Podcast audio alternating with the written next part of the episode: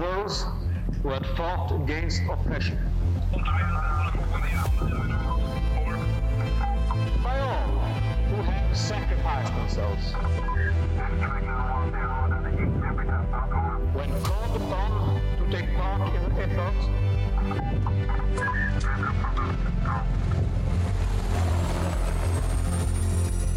for freedom and peace.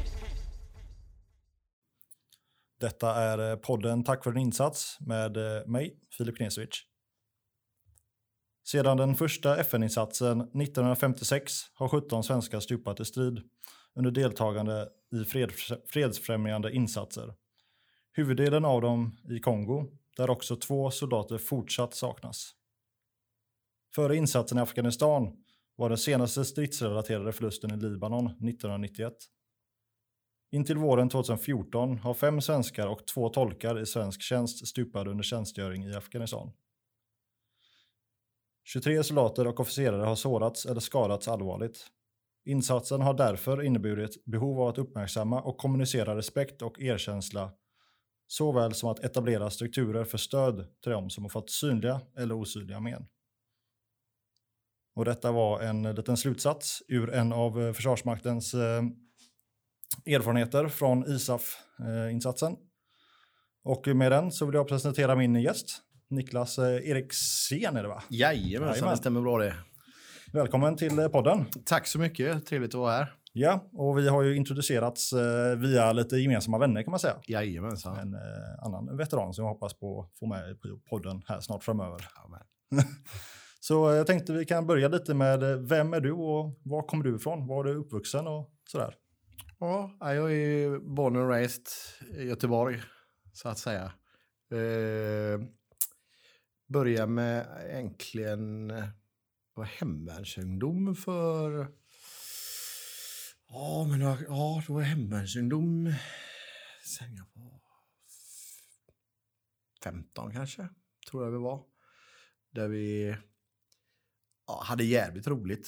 Eh, och där började det egentligen. Och alla, vi hade väldigt bra instruktörer som gjorde att alla blev väl eh, stort sett, ja alla, alla gjorde lumpen.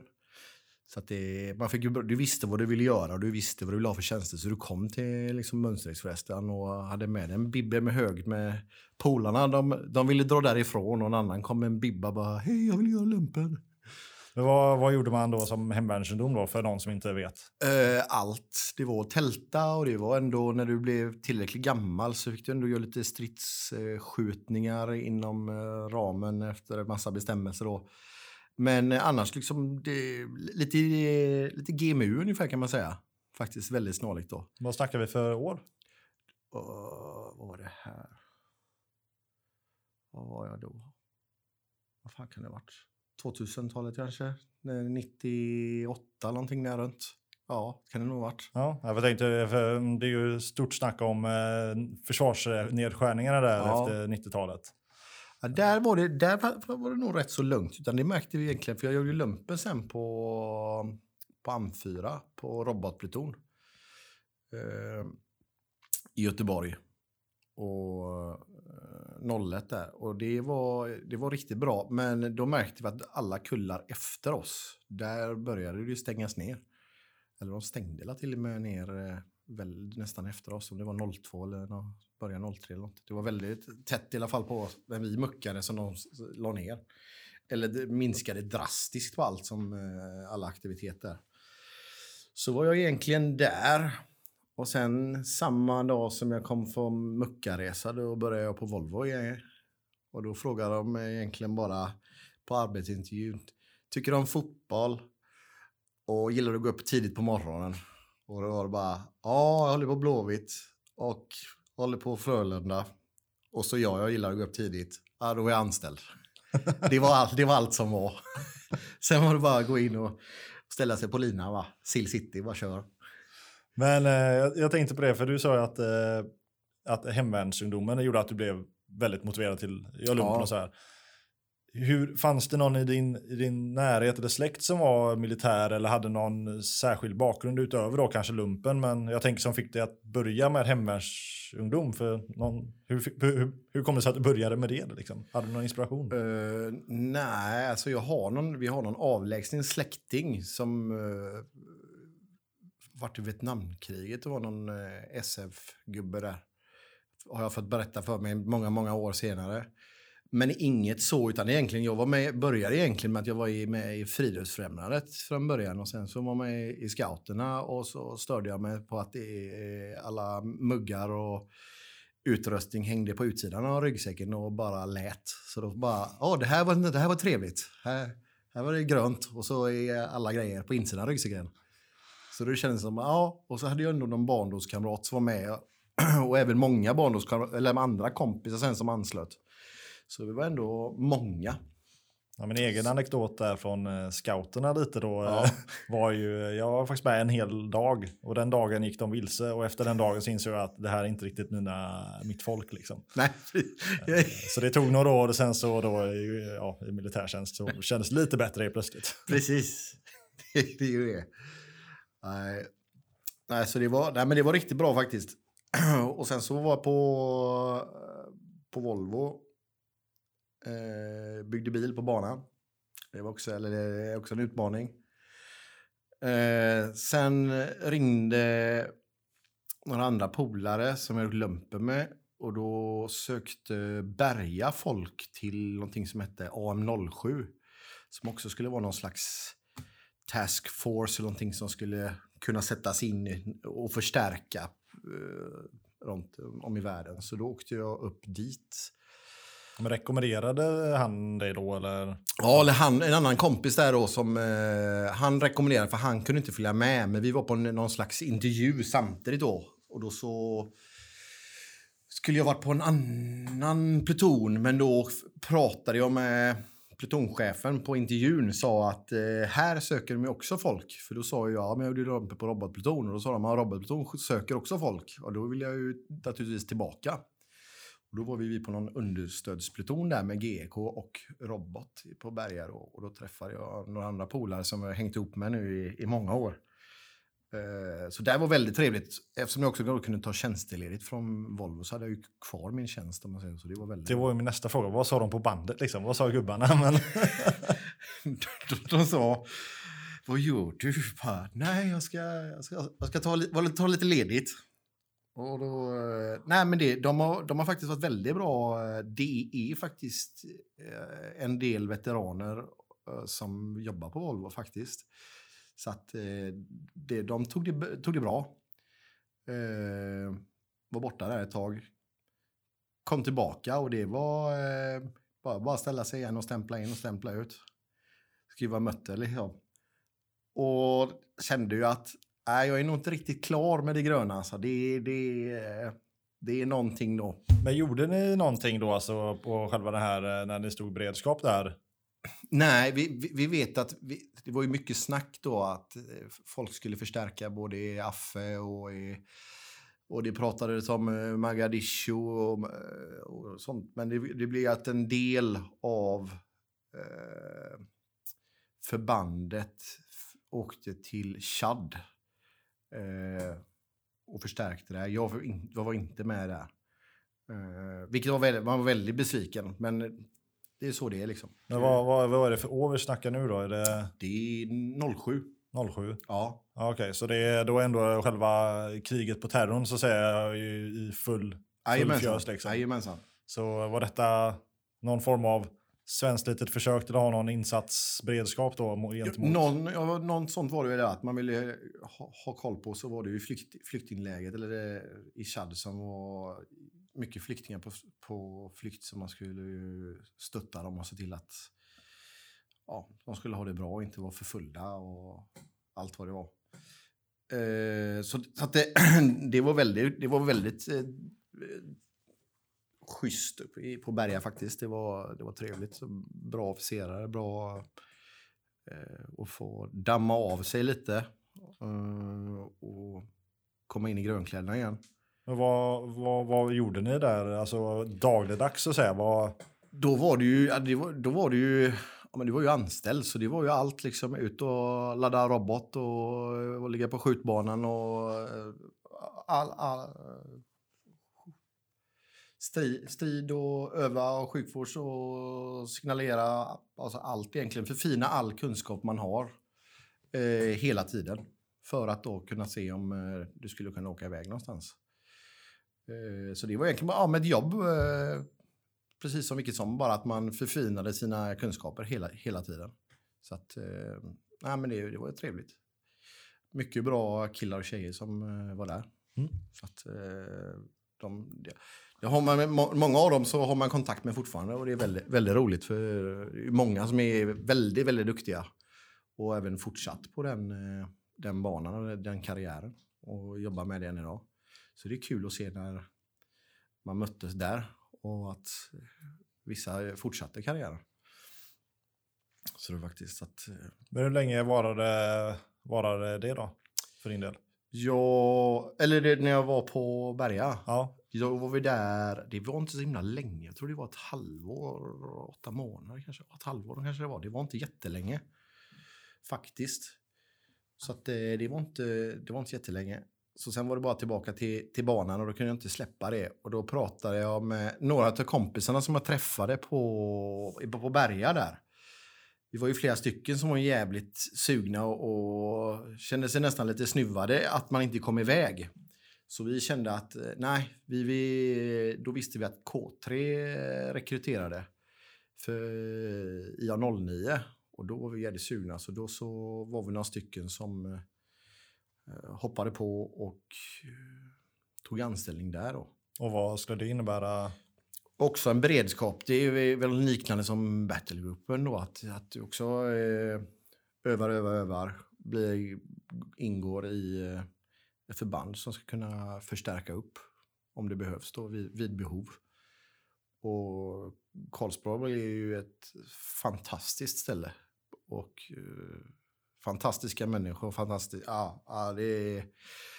Ja, det är nog bland de bästa ställen jag, eller det är det bästa stället jag har varit på. Och jag har nog aldrig lärt mig så mycket som jag gjorde där. Eh, så det var, det var riktigt roligt. Och många av de vännerna som man lärde känna där har man kvar. Det är... Det, det, det, det, det, man vet när man har kommit hem så att säga.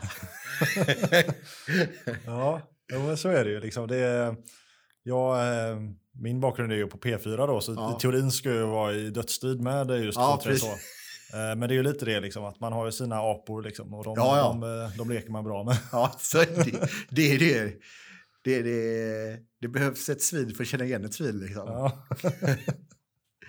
Nej, så det var riktigt roligt att vara där. Då, då, då hade jag ju tjänstledigt igen och där var vi ju i alla fall 18 månader någonting tror jag vi var nog anställda på kontraktet. Så det var också väldigt mycket. Så då var jag eh, signalist och galtförare.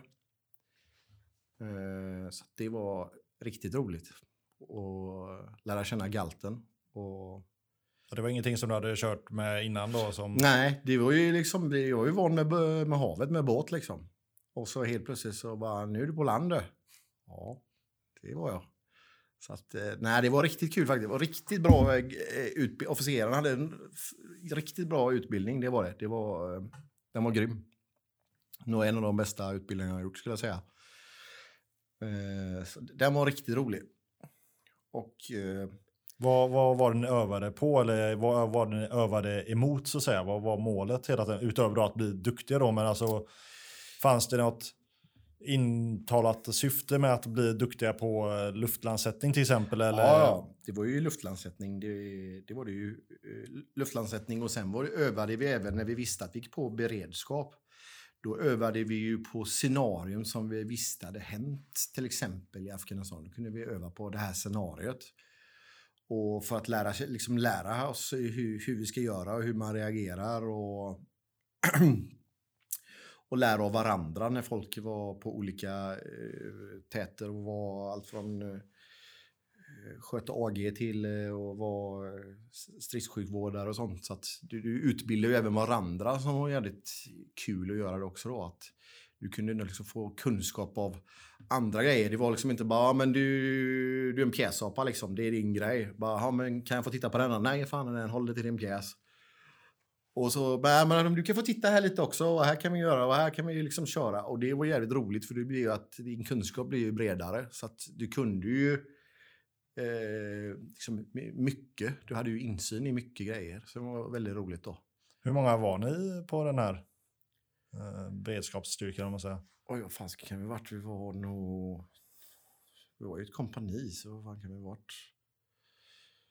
Eh, Mellan tummen och pekfingret.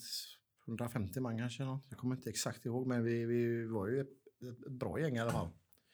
Och det var eh, riktigt bra... Eh, ja, det var riktigt bra gubbar. Det var riktigt kul. Så att, eh, det, det tänker jag tillbaks till på, eh, med, med, glä, med glädje. Så att, eh, det var faktiskt roligt där. Så då åkte vi även på beredskap. Då åkte jag på min första mission eh, på beredskap där. På FS19 förstärkte vi upp där. Okej, så då fick ni ett, eh, ett live call så att säga, att Ja. eh, åka och fylla på. Hela kompaniet fick faktiskt... Eh, eh, vi hade plutoner som åkte hela tiden nästan. Eh, efter kanske något år eller någonting. Så att då, förstärktes det över, över tid. Och vi, vi var ju duktiga så att då, då, det är klart att de ville ha förstärkning. Men vad var, vad var anledningen till att ni åkte och förstärkte på FS19 då? Det var väl bland annat på eh, om det var val i Afghanistan eller någonting. Det, det var, började ju bli lite oroligt där nere då och hade blossat upp och då ville man väl ha mer eh, kängor på marken helt enkelt. Man ville ha mer, mer, mer soldater. Eftersom det hade börjat hända mer och mer och då ville du ju ha, ja men du ville ha eh, manskap på plats. Och då passade det perfekt. Så då var vi nere där och då var vi nog nere på förstärkning i tre, fyra, fy, fyra månader någonting tror jag vi var där nere. Men, men berätta lite om det då. Ni, ni, får att ni, ska, ni får information att ni ska åka och förstärka upp. Vad, eh, liksom, vad, vad får ni för information och ingångsvärden och vad, vad är dina förväntningar för det då? För nu blir det ju plötsligt lite mer riktigt då, du som ändå väntat ett tag kan man säga. ja, Så vad, liksom, hur går tankarna där och vad, vad är det du får reda på innan ni åker? Eh, Vi hade väl, vi fick väl re... Nu tror jag att det var att det var ett val som vi ville f- skicka, men vi fick bra information innan. Vi hade ju redan börjat när vi var på beredskapen. Då var det ju liksom mycket simulering och mycket liksom öva emot pot- potentiella uppgifter och att vi då hade haft andra plutoner som även hade varit nere, så när de kom tillbaka från sin förstärkning, ja då, då berättade ju de sina erfarenheter. Så att då var du ju lite införstådd i vad som vad det, komma skall. Så att eh, då visste du ändå liksom att eh, det är varmt, det är mycket sand. Okej, ja men bra. Då, eh, då hade man ändå hyfsat koll på läget när man kom ner. Och, jag- och jag kände mig jävligt, man kände sig ändå väldigt trygg i kompaniet och med utbildningen som man hade ifrån Karlsborg. Så att eh, jag var inte orolig så egentligen. Man fick väl försöka vara också ödmjuk mot uppgiften och att man inte var odödlig och tänka på nära och kära att man får åka ner och, och se vad som händer. Ja, för vad var, utöver då vad, vad folk som roterar tillbaka sa, vad var din bild av Afghanistan? För då har ju, jag menar, det, då har ju Sverige varit där ett ganska bra Ja. tag. Så vad var liksom din bild av vad det skulle mötas av eller vad det skulle ut, utmanas för? Sju nyanser av brunt var det typ det första man såg. Nej men det var, nej, men det var, det var eh, jag blev förvånad över för jag har ju haft turen och varit på, på tre missioner där så att jag har ju sett alla årstiderna nu. Och hur, hur fint faktiskt det är i, i tränglådan. Att, att, eh, jag trodde ju att det var öken överallt och inget vatten men så var det ju inte riktigt utan det fanns ju grönska liksom. Så att det, det, jag blev nog förvånad över att det kunde vara jävligt fint på sina områden också, inte bara liksom eh, sand, sand liksom. Och eh, nej, men det var... sen var det det första, var det, det var väl värmen som man visste att det skulle vara varmt, men det var ju jäkligt varmt var det. Så eh, att vänja sig vid det var ju ett stort steg. Men det gick på någon vecka eller två där så eh, svettade, hade man jämn, jämna svettningar i alla fall då. Så att, eh, nej men det var, det var väldigt bra och då var det ju all, alla uppgifter egentligen vi skulle eh, hjälpa till och stötta på och lösa ut. Det var ju allt från patrullering och kolla kulvertar och leta efter idéer och För vad, när ni kom ner till, eh, ja, till insatsområdet då, mm. fick ni någon, eh, några dagar då med liksom invan, alltså Ja. ja, liksom in, komma in i rollen och komma in på platsen och i värmen då? ja. Det var ju det första veckan, då var det ju nästan bara på kamp. Då gick det ju nästan som en inskolning då. Du gick ju med och du fick sitta i eh, lektionssal, eller man, man kan säga. Du satt och så hade du ordergenomgångar och de gick igenom läget och information och visade på kartor och bilder och ja, bombades av information egentligen om hur läget är och vad det, hur det ser ut. Och eh, och det var ju, man, man sög ju i sig allt för man var ju svinnöjd liksom. Man skulle ju eh, eh där för att ta över världen ungefär. Och då var det jävligt kul för att eh, man tog ju in sig all information. Det var jättekul och det var jättebra information på, för det mesta. Eh, så att då, då eh, var det egentligen bara att, att vänta. Sen vill man ju åka ut och börja patrullera liksom och göra grejer. Så det var några, då gjorde man lite små eh, grejer. Du kunde gå runt kampen och du kunde gå ut och göra lite små grejer så. Bara för att vänja sig. Vad var det för, vad, vilken kamp var ni nere på? Eller vad? Vi var ju på... Väst Fan, West of Mes var vi ju. Glömde jag vad kampen hette bara för det. Minnet är bra men kort. Eh, men vi var ju på en svensk-finsk kamp. Eh, mest svenskar, lite finnar och några danskar och sen även några amerikaner som kom lite omgångar och sånt. Men väl, väldigt bra liksom. Som, som jag hade förväntat mig att kamp skulle vara. Jag har haft kompisar som varit i Kosovo och lite sånt innan och, och ja, det var det som jag hade förväntat mig egentligen. Det, Men eh, vad var det för styrka som ni åkte för att backa upp då? Var det liksom, var, för, för jag vet, vi hade ju mycket stridsfordon 90 och sånt Ja. ett tag. Var det, Vi backade upp, eller vi fick, jag vet inte om vi backade upp, det var nog att de, de tillhörde, eh, vi tillhörde nog varandra. Vi fick ju en, en CV90-besättning. Så vi hade två vagnar, har jag för mig att det var. Så vi var ju, hade två vagnar som vi hade när vi kunde, som vi hade till vårt förfogande och kunna patrullera med och lösa uppgift. Och ja, vi förstärkte väl det vi egentligen allt vi behövde. Det var bara att vi hade hela turen att kunna ha en eh, två CV90 också och en besättning till eh, det som gjorde att vi kunde lösa uppgift på ett föredömligt sätt. men funkade ni som, som hoppade ni in på enskilda roller eller hoppade ni in och bytte, eller liksom ersatte hela grupper eller blev ni en egen grupp? Vi var ju hela, hela vår pluton egentligen, man säga, så att vi, vi kunde ju både bli, bli, eh, säga att eh, det var en grupp i, i vår pluton som kunde förstärka någonstans, men det kunde, oftast var det att eh, plutonen fick en uppgift att vi skulle för, förstärka någon annan pluton eller någon annan som löste någon uppgift och så skulle vi hjälpa till och backa upp dem på, på de sätten som vi kunde bäst. Okej, så det blev en, en extern extra, eller ja? Ja. Jag tänkte om det var så att man hoppar in som enskild individ så kan det ibland bli lite sådär inom grupper Ja. kan bli lite sådär, ja, rätt nya killen eller reserv. Ja, nej, men det, det, jag har för mig att det hände på några ställen, det är absolut så. Men oftast så, som mest så var, var det liksom en, eh, hela plutonen eller eh, en grupp eller två grupper som, som förstärkte. Liksom då. Och det är väl också smartast för att få bäst effekt och kunna hjälpa till på, på bästa sätt. Så att, eh, nej men det var, det var riktigt bra faktiskt. Det, Hur såg dagarna ut då där nere? Alltså under, under, för det var ju inte en hel insats då i och med att ni hoppade in eh, halvvägs Precis. igenom där. Men eh, Ja, Vi låg ju mycket på, på monitor var ju eh, i eh, skapandet då liksom. Det var ju uppbyggnad där på, på monitor.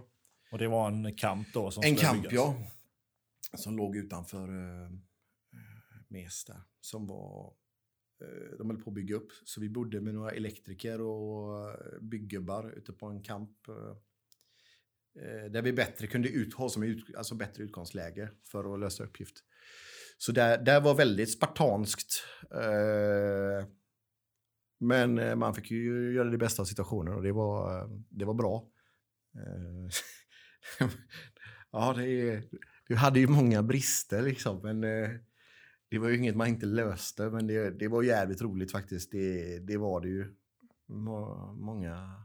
Du berättade ju lite innan här om någon köttgud där liksom. eh. Ja, det, vi hade ju lite problem med matleveranser ibland och eh, så mycket så här nudlar och konstiga. Men då visste vi också att då hade vi ju de här bygggubbarna, elektriker och snickare, allt som byggde upp den här kampen. De fick ju jävligt fina matleveranser och det, det kom ju väldigt fort deras matleveranser också. Så då fick man ju skrapa ihop det som vi hade med dem. Och då byggde vi, då vet jag att plutonen byggde någon stor eh, grill av eh, stålbalkar och grejer och eldade och vi fick tag på kastruller och så hade vi en, eh, en kille där som jag tror han var elektriker eller någonting. Jag glömde av vad han heter faktiskt. Jag har det någonstans. Han eh, var med och fattade som tog in Texas Longhorn till Sverige. Så han var ju kock i grunden och var fruktansvärt förbannat bra kock. Så det slutade med att i utbyte av att vi löste vad som helst åt honom ungefär så, så eh, lagade han mat till alla på, på Monitor. Och det var ju helt fantastiskt. Men detta var någon lokalanställd då eller? Ja, han var ju, han var ju, nej, det var ju svensk, svensk kille. Ja, okej. Svensk kille från det bolaget som var nere och skulle bygga upp Monitor där då. För de byggde ju några byggbarack, eller de hade ju sådana eh, sockerbitar med som de byggde upp som du kunde bo i, allt möjligt då. Och allt, de drog all, all el i backen och eh, alla avlopp, allting gjorde ju de där. Så han lagade ju mat åt oss och det var ju helt jädra fantastiskt. Att gå från eh, nudlar och Twix till att helt plötsligt få eh, liksom god mat. Så jag vet att folk stod ju nästan på, på uppställt på, på, på, på, på rad efteråt för att kunna liksom nästan ge, ta i hand och ge en kram och tack för maten, tack för maten. Det var, det var riktigt kul faktiskt. Så att eh, han fyllde verkligen eh, våran, eh, våran dag där att kunna ge oss eh, ett mål mat om dagen som var eh, väldigt lyxigt kommer jag ihåg. Så Det var ja, det är, få grejer, det är få grejer som slår det. Ja, det är det när man är riktigt hungrig ute i, liksom, ute i terrängen. Då, Ja. eh, nej, det är ju som när man får kokgrupp till sig ibland. Va? Ja, Det kan också vara en sån det kan vara fint. När de vet vad de gör då är det bra. väldigt bra. Men eh, okej, men ni, ni håller på att assistera uppbyggnaden av Monitor. Ja. Är det mycket då eh, vaktande av... Ja, det var vaktande och patrulleringar i, i närområdet och ibland lite, utan, lite längre bort också. Hur såg hotbilden ut mot själva Monitor eller liksom området? Mot Monitor var rätt så låg. Det var egentligen om man åkte mer utanför. Det var ju lite, du, du kunde ju, na, du hade ju lärt, mig, lärt dig men den också, tack vare den informationen du hade så kunde du ju veta att, att i vissa områden var, var det bättre och sämre. Så du kunde ju röra dig på ett sätt så att du, du kunde liksom smärtfritt kunna lösa vissa uppgifter. Men ibland så var, var, var ju det inte en möjlighet utan då, då fick man ju eh, göra det man behövde göra för att lösa uppgift. Och det, men, eh, men oftast var, kamp, var det lugnt på kampen om man säger så. Vi åkte ju också mycket på Kullen var vi ju en del på också. Där var ju lite mer, eh, där var hot- hotbilden, hotbilden lite högre. För det var en gammal ryskkulle som överblickade över någon, eh, någon bebyggelse va? Ja, så vi, så, vi såg ju någon ner till vid Balkfloden där så såg man ju eh, polisstation, en polisstation i fjärran. Och så just att det rörde sig mycket eh, personer av intresse i trängen. Som gjorde att du kunde ha, du, du, var perfekt. Du var liksom, eh, att dina, det, våra närvaro gjorde att, att det störde lite. Alltså det var försvår- ni var en försvårande omständighet. Ja, och det var, det var jättebra. Liksom. De visste att vi var där och vi visste att vi var där. Och vi rö- rörde oss till trängen för att liksom då kunna eh, lösa uppgift och även liksom då se till att ja, det försvårar ju för dem att eh, rö- röra sig som de själva vill då för att få bedriva sin verksamhet. Men, men skapade det ett högre hot då mot, mot kullen eller mot transporter till och från eller patruller i närheten av? I och med att ni ändå var en, ett störande moment då. Liksom. Ja. ja, det gör det väl. Ja, det, det, det, blir, det blir det ju indirekt. Det blir det ju. Men vi var på kullen. Ja, det var... Jo, det var för vi löste av finnarna har jag för mig att vi gjorde. Och då var, men det var, det var rätt lugnt ändå där. Du visste, visst det kunde skjutas lite eller i fjärran så, men det var inte jätte... Det var nog mer på när jag var på en annan mission där som det var mer eh, liv egentligen, eller, ho, eller hotet var högre på kullen egentligen. Skulle jag säga. Så det, det var rätt så lugnt där ändå. Det var väl att du visste om det, men det är väl samma sak. Vi visste att vi, eh, vad de var och de visste vad vi var. Så det blev liksom en status quo som kunde hålla kanske balansen där då, fast, fastän man var där och petade i grejer. Liksom.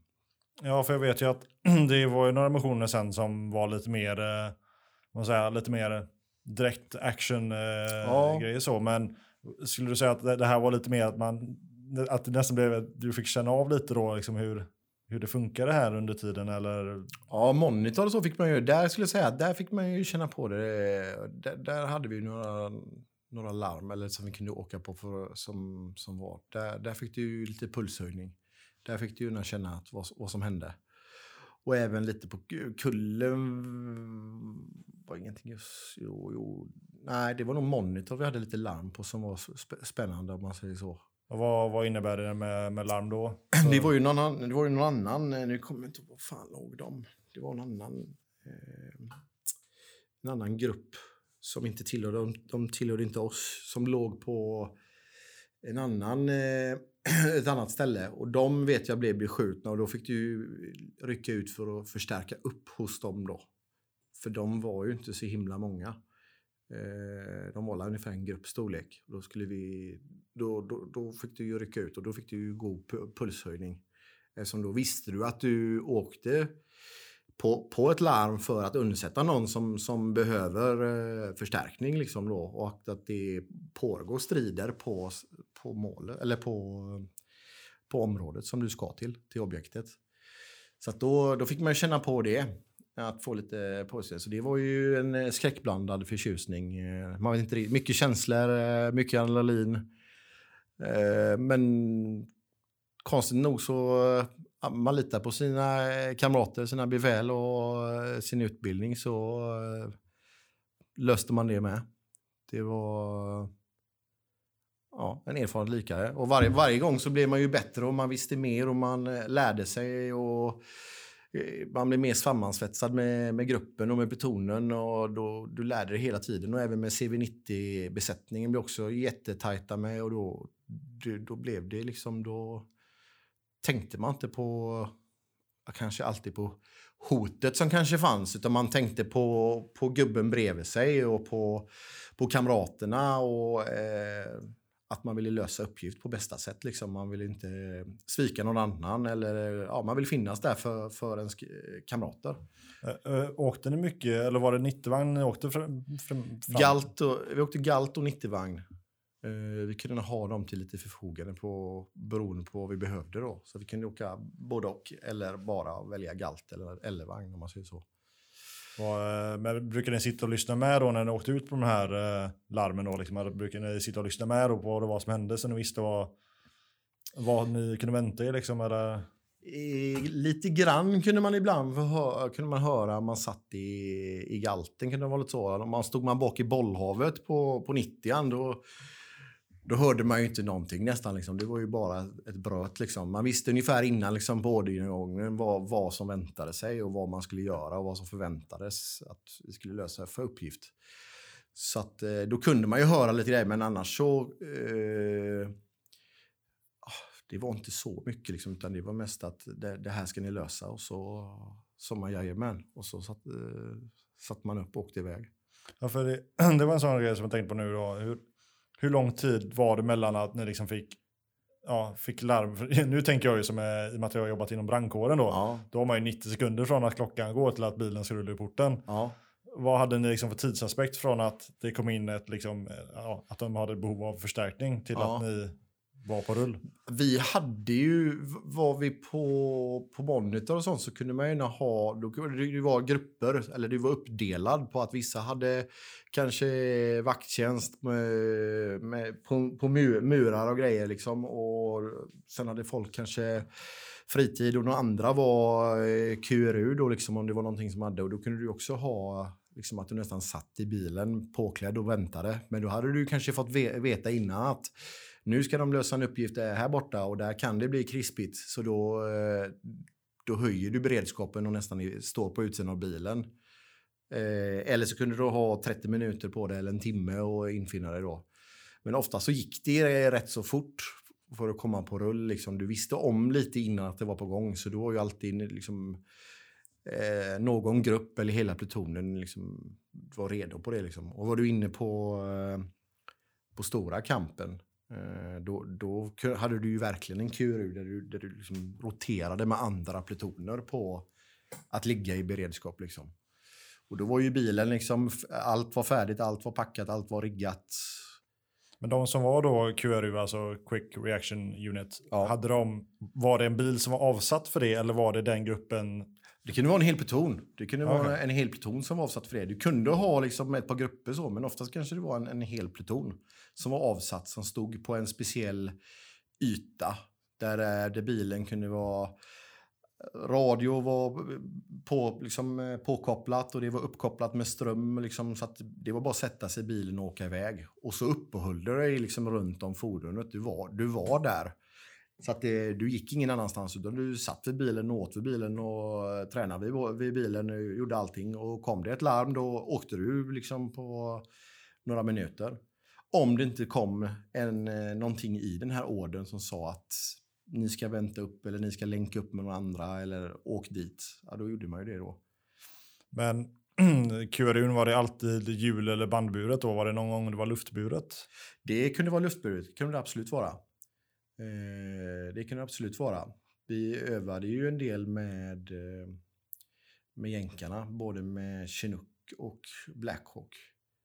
Eh, så det, och det är vi ju inte främmande, det är ju det som vi, vi, vi är bäst på på, på, på, på Karlsborg, eller på K3. Att eh, flyga helikopter bland annat och luftlandsättas. Så att eh, det var ju det var jävligt kul och amerikanerna och, och väldigt, väldigt duktiga och även vi tyskarna, ja, nej, man inte det, jag blandar ihop det. Amerikaner vi flög med, de var jätte, jättetrevliga, jätteduktiga och så det var, skit, det var skitbra.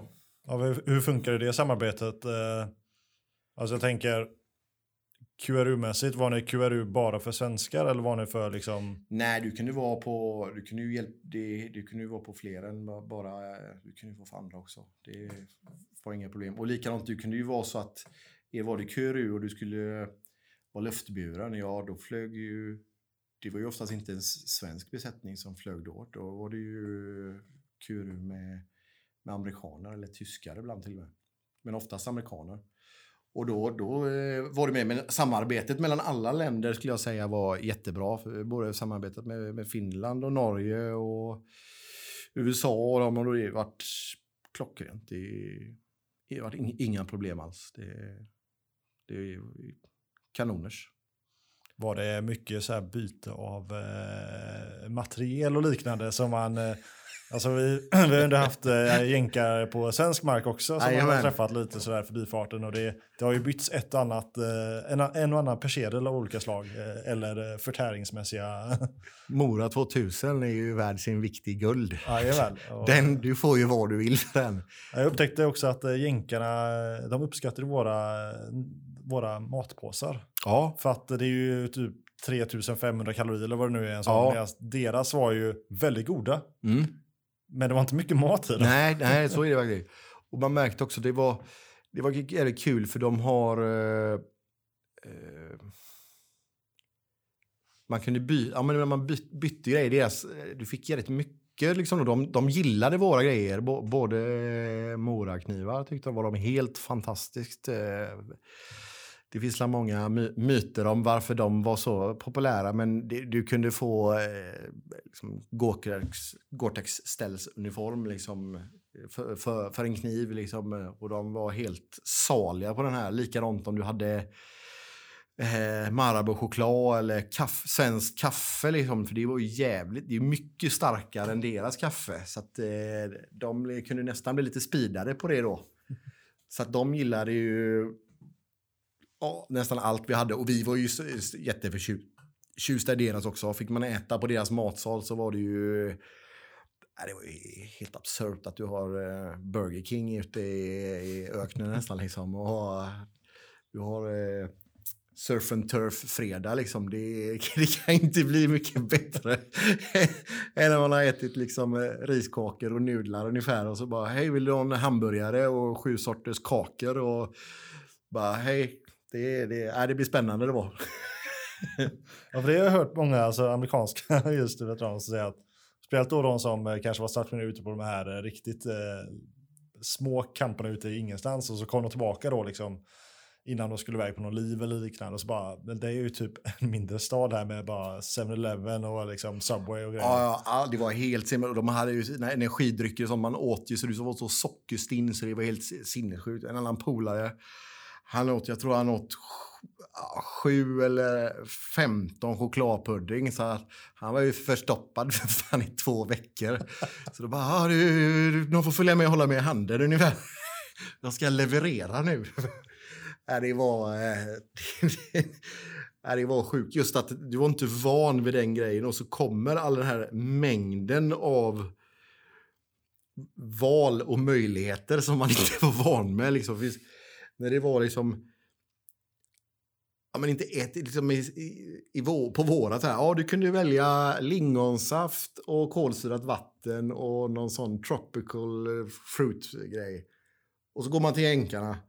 Då har de åtta kylskåp med drickor och det är liksom, det, det, det är så, ja, de, de har ju hållit på med det här eh, mycket längre och har helt andra eh, resurser men det man blir redan slående på eh, hur mycket grejer det var och vad, vad, vad man inte visste om.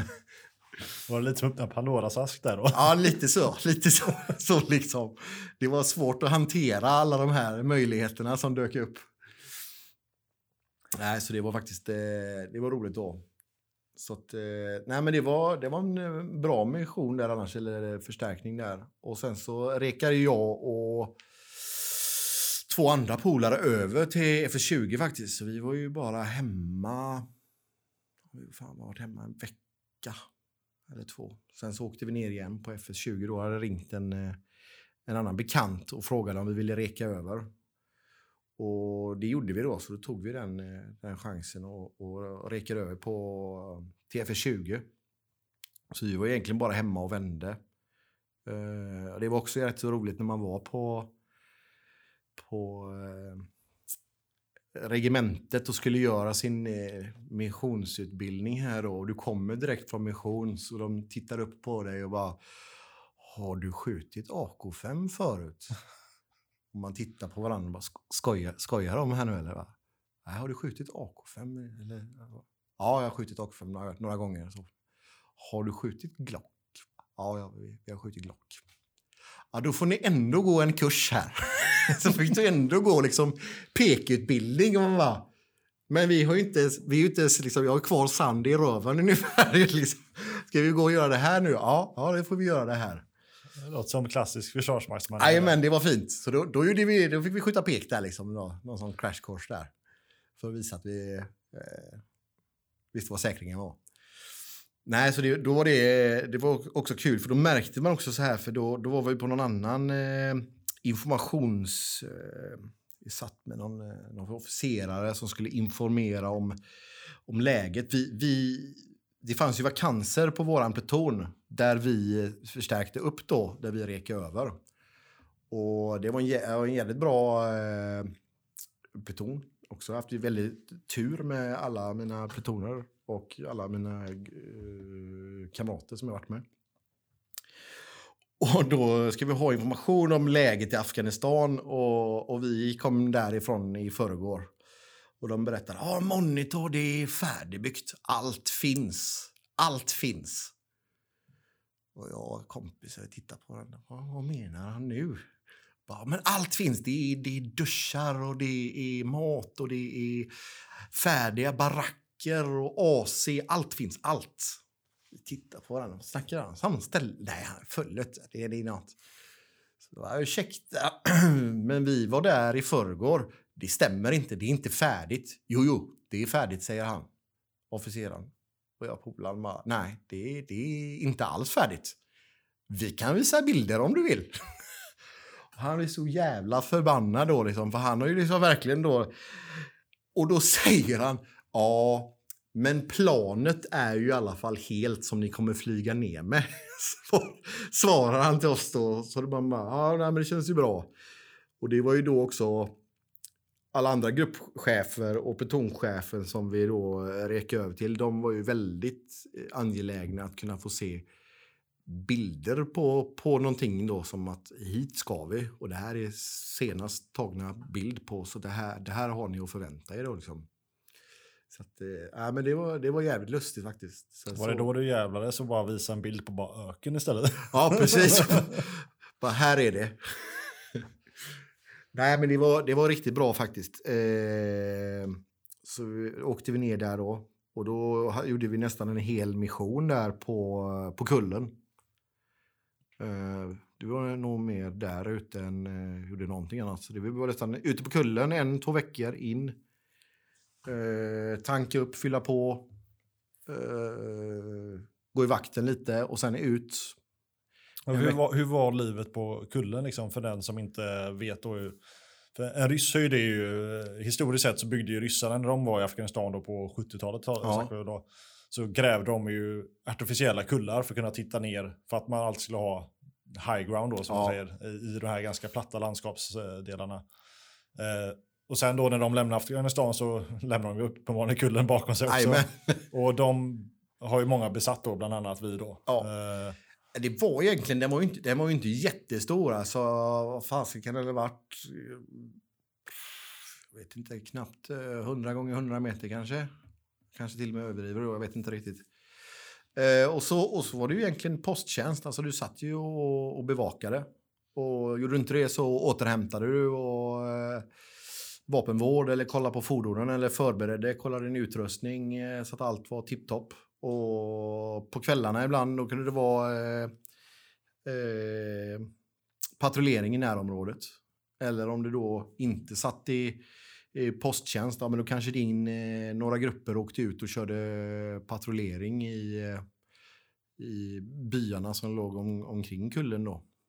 Och I närområdet och hade kanske fått in tips eller vad som helst. Då åkte man lite och kollade läget lite och kollade vad man kunde, man kunde ja, få, re, få reda på. Så Men- det var egentligen mycket, man skötte sig väldigt mycket själv. Vad, hur såg liksom själva... Hade ni typ som elektricitet och allt? Hur, hur funkar det uppe på... Vi hade, eh, vi hade kompressor, det, eller kompressor, så elgenerator hade vi, det hade vi. Och eh, så vi hade ju ström till det, nödvändiga liksom så. Eh, men, men inte så att eh, du kanske gödslade med det liksom då, men det, men det fanns ju ström liksom, det fanns det ju till eh, lite radioapparater och någon kylcontainer tror jag de fanns på ibland om de inte drog för mycket. Men att ladda batterier till sånt då till radioapparat, sånt, sånt fanns ju då.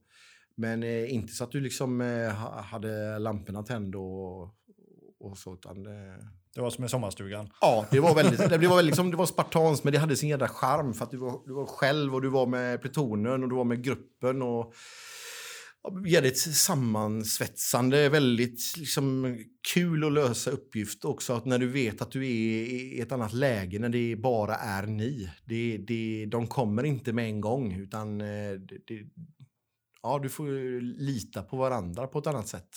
Och även att man då vill göra sin del, se till att sköta min skit bra, ha ordning på min bussa, ha ordning på mina grejer, mina prylar, min bil, min, min HMG liksom då.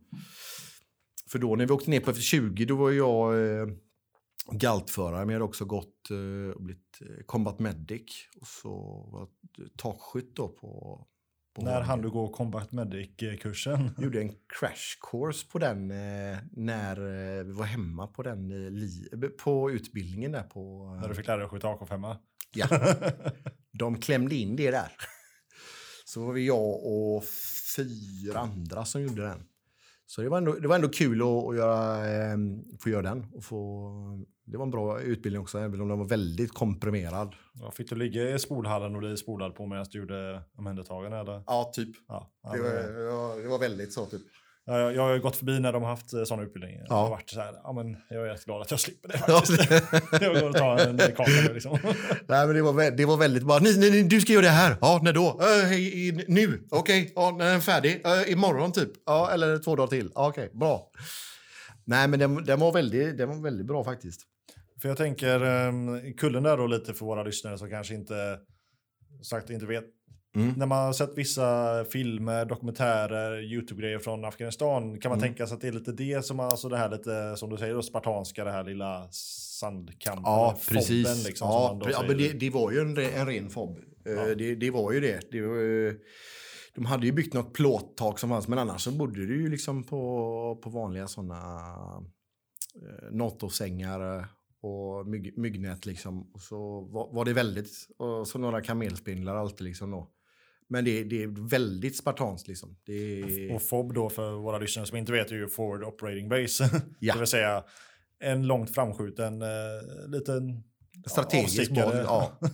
Så det, nej men det var, det var väldigt, men det, var, det hade sin charm liksom för att du, du, du var själv. Och det var, jag tyckte det var, man blev nästan, man märkte ju, man blev ju folkskygg. Du hade inte 7-Eleven runt hörnet. nej, så det gällde ju att bunkra liksom. Snus var hårdvara liksom. Så att eh, det gällde att ha med sig snus och, och vad man nu behövde för att eh, hålla humöret uppe. Ja, snus, cigg och läsk av olika slag eh, vet jag. Jajamän, det, det, det kan vara fint. Och jag hade också, det var så jävla bra, jag hade fått en, eh, en julklapp skickad till mig från eh, en eh, polare på, på bandet. Han köpt fem, sex olika snusar och slått ihop det, liksom tejpat ihop dem och satt en rosett på och gett, ja, god jul. Så den hade jag verkligen sparat på ända till julafton och det var ju Eureka när den jäveln kom upp och man bara, nu är det belöning. Nu är det fan förtjänst. Ja, för vad, vad snackar vi för årstid nu då för FS, FS20? När, när roterade den ner? Vi roterade ner... Eh, vad fan blir det? Hösten. Vad kan det varit? 10. Hösten 10 tror jag att det var. Och så kom vi... Eh, för jag var där över julen och så kom jag hem på våren. Ja, det stämmer. Så vi åkte ner på julen. Ja, det stämmer. Hur var klimatet där nere då? eh? Det var ju kallt, det var ju snö. Eh, och, så det blir ju 15 minus, det kunde det ju vara. och, och, och snö. Men vi hade rätt bra... Vi var inne en del då. Däremot när jag var på FS24 då, var det ju, då blev vi insnöade några gånger. Och då, då var det ju liksom en meter snö och 15 minus. När vi var på 20 så det var ju kallt men det var inte alls den snömängden eh, på vintern riktigt där.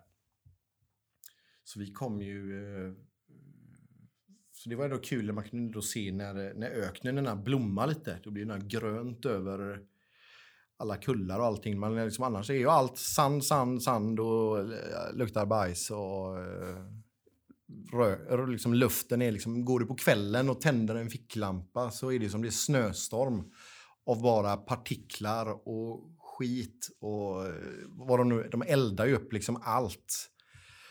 Och så går man och alltså, lyser med en lampa liksom på kampen och så man bara, det här är inte bra att andas in. Då går man, är det det här jag andas in? Ja. Så då blev man så bara, andas genom näsan, andas genom näsan. Det, det, det löser allt. Ja, det löser allt. Näshåret. Men jag tänkte du sa att ni var ute och patrullerade på kvällarna och sånt där och, Ja. och i byarna i närheten. Hur, hur, upplevde, hur upplevde ni att byarna tog emot er närvaro och sådär? Eller folket som bodde där då såklart. beror lite på vad du egentligen rörde dig. Men det kunde vara på vissa ställen så var vi, då kunde du sparka lite boll med barnen och heja lite liksom och chitchatta.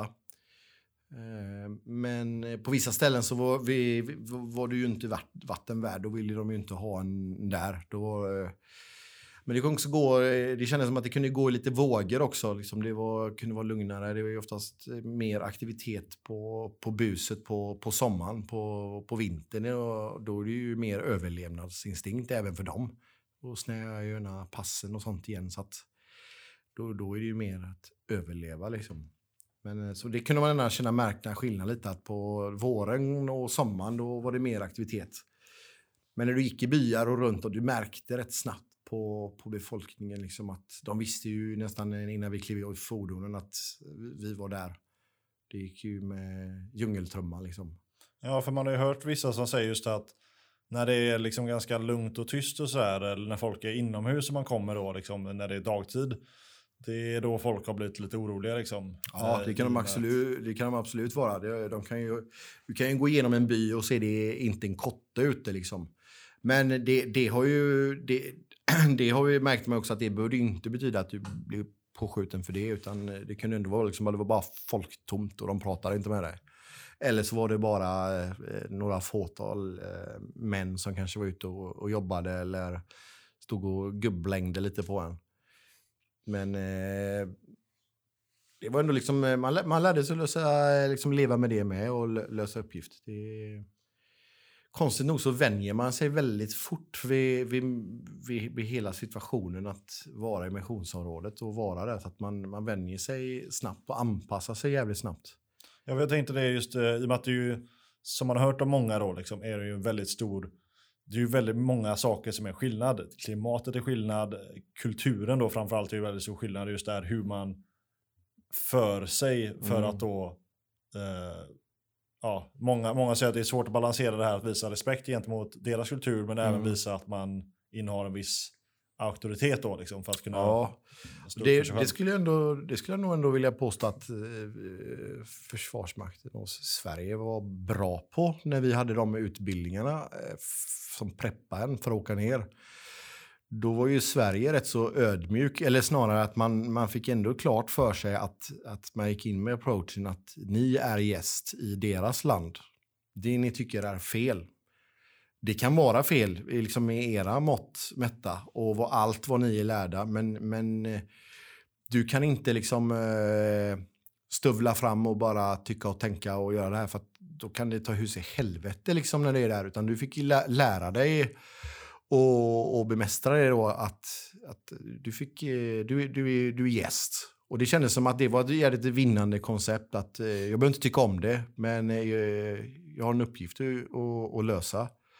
Och då fick man lita på liksom systemet och sin utbildning och, och backa av lite och se vad som händer. och, och liksom så, och, sakta men säkert så ofta så löste det sig ju liksom eh, rätt bra genom att vara lite eh, ödmjuk och eh, ta seden dit man kommer. Det vet man ju att andra länder hade svårare med och har haft lite incidenter med det där. Och, så att, eh, det kändes ändå som att vi, vi visste, ja, svenskar överlag skulle jag nog säga att vi visste att, att vi var gäst i landet. Även om vi inte tyckte om vissa grejer så visste du ändå hur du skulle kontrollera eh, situationen eller vad du skulle liksom, göra. Så det, det, det kändes jävligt bra faktiskt. För jag vet ju att många Många har ju sagt det att det har varit svårt lite det här att eh, uppnå då. målen har varit att skapa stabilitet då i regionerna, i landet i, i helhet. Men då att, eh, för talibanerna har stått för en helt annan sak än vad eh, till exempel eh, NATO-insatsen och så vidare har försökt eh, jobba för. Mm. Så då har många sagt att det har varit lite svårt och, så här, och, och samarbeta med lokalbefolkningen också just för att det har varit ett stort hot mot, ja. alltså om de ser att ja, men, den här familjen har nog samarbetat med eh, svenskarna eller NATO-trupperna mm. eller vilken nu må vara som är inte mm. afghaner. Så de ju utsatts för stora hot. Så.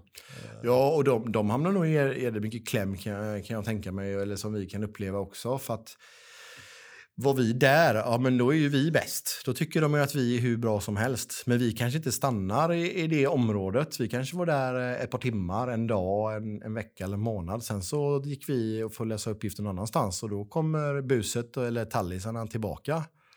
Och, och då antingen så, så hotar de ju dem eller så kanske de till och med mördar någon och säger att nu ska ni göra det här eller nu ska ni eh, smuggla knark eller odla knark eller eh, vad, vad de nu kan vilja med de här individerna då, eller familjerna.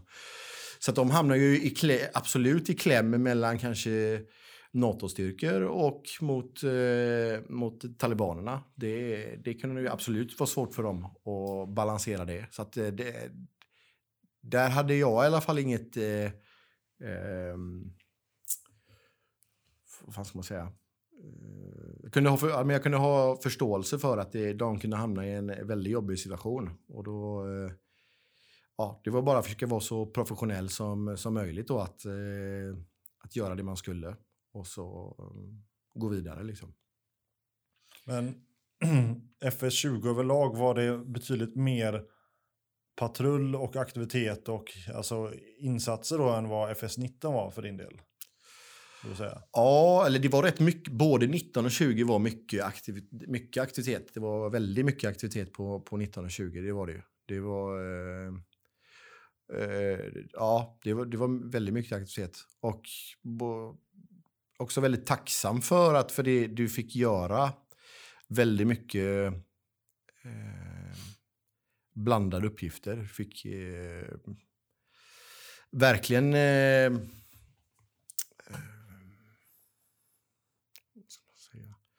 Ja, men du fick verkligen eh, göra, liksom, du, du, du fick eh, lita på din eh, utbildning och dina kamrater för att nå resultat och nå mål. Och du fick vara eh, Ja, men det var erfarenhet, det var lite av det här äventyret. Men fortfarande då att det var, det var, eh, det var ju roligt, men det var ju klart att det var farligt många gånger. Men, men det kändes som att du, fick, du gjorde skillnad, du gjorde grejer. Du, du, du satt inte bara och pillade naveln i, i kampen. Liksom. Även om alla tjänster behövs så, så kände jag och några av mina kamrater att vi ville göra så mycket som möjligt när, när vi var där på, på den tiden vi hade på oss.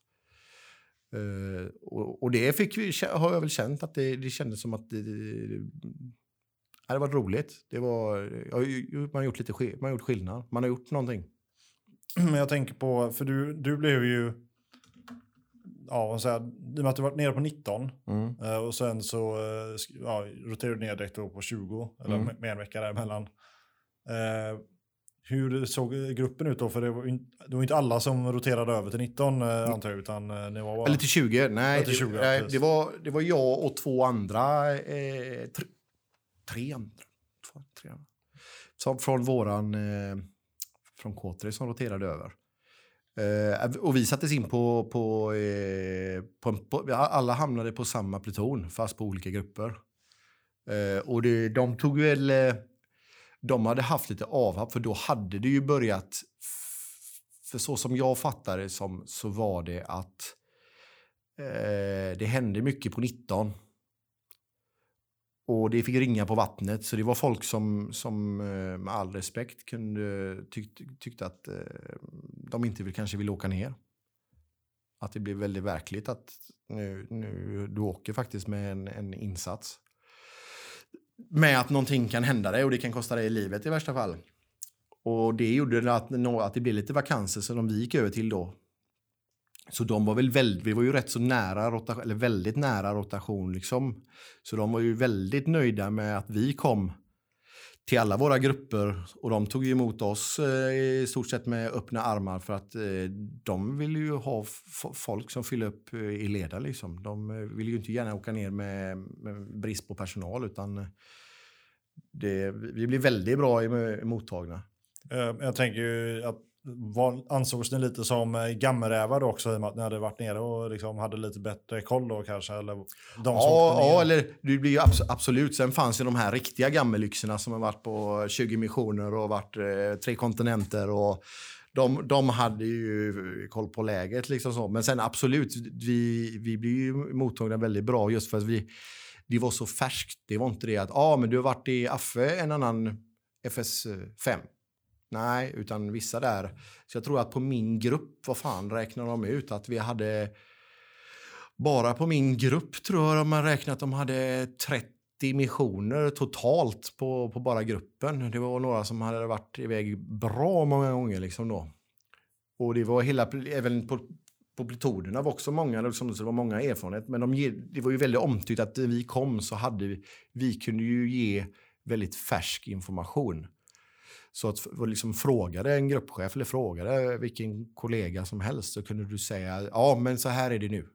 Det var inte ja men så var det då utan så här är det nu. Och folk kunde ändå respektera, alltså även, jag vet inte vad du hade för rank när du var där men... eh, Nej, jag var bara vanlig... eh, Vinkelmaffian eller? Ja, eller, vanlig Basilele liksom.